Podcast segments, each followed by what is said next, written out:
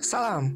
Кажы кужу подкастына кош келиңиздер. Бул подкаст кесип чыгармачылык жалпысынан жашоо темаларына арналган. Биздин подкаст ар жума сайын контентчи сайтында жана spotify apple подкаст вконтакте google подкаст telegram платформаларында чыгып турат. Азыркы учурда подкасттын он жети эпизоду чыгарылды. Подкасттарды өткөрүп жибербеш үчүн биздин соц тармактарга жазылгыла салам баарыңарга бүгүн силер менен жаныбек мукаш. Бүгүнкү подкаст ушундай өзгөчө форматта чыкмай болду. Бүгүн силер менен дүйнө жаңылыктары жөнүндө сүйлөшөбүз. Адегенде эле космос темасынан баштасак space x жеке компаниясы биринчи жолу асманга crew dragon аттуу кемесин чыгарды дейт. Чындыгында эле отузунчу майда чоң окуя болуп өттү.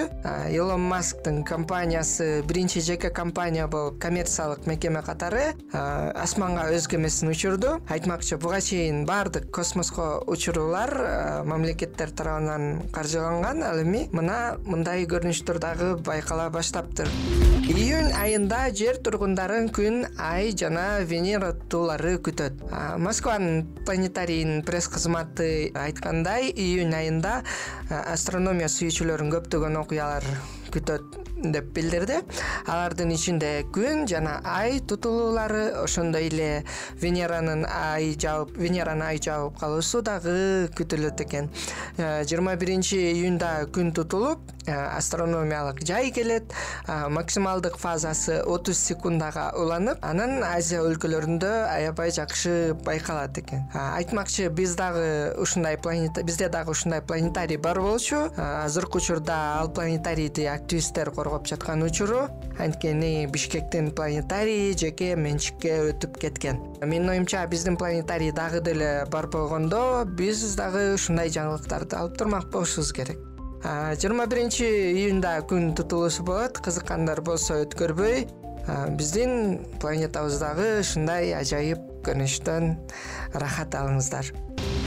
Эми кино тармагына өтсөк джон ландау аватар эки адамдарга чындыкты унутууга жардам берет.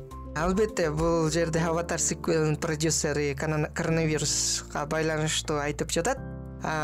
Жаңы зеландиялык басма rnz менен болгон маекте аватар франшизасынын продюсери тасманын кээ бир детальдары жөнүндө айтып берди. Ал жаңы тасманын борбордук темасы бул үй бүлө болот деп айтты ал эми көрүүчүлөр болсо башкы каармандар э, барчу пандора планетасынын эң төркүн бурчтарын көрүшөт деп жарыялаган.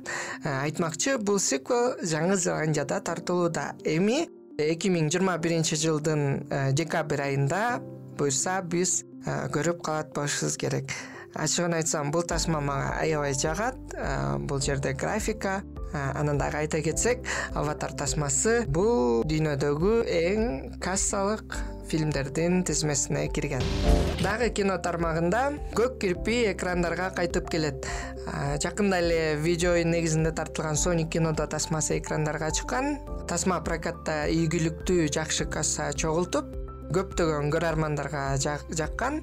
Соник кинодо тасмасы бул ылдамдуу көгүлтүр кирпий сониктин окуялары жөнүндө айтып берет. Азыркы учурда сониктин сиквели баштапкы стадияларында тургандыктан анын чоо жайы белгисиз.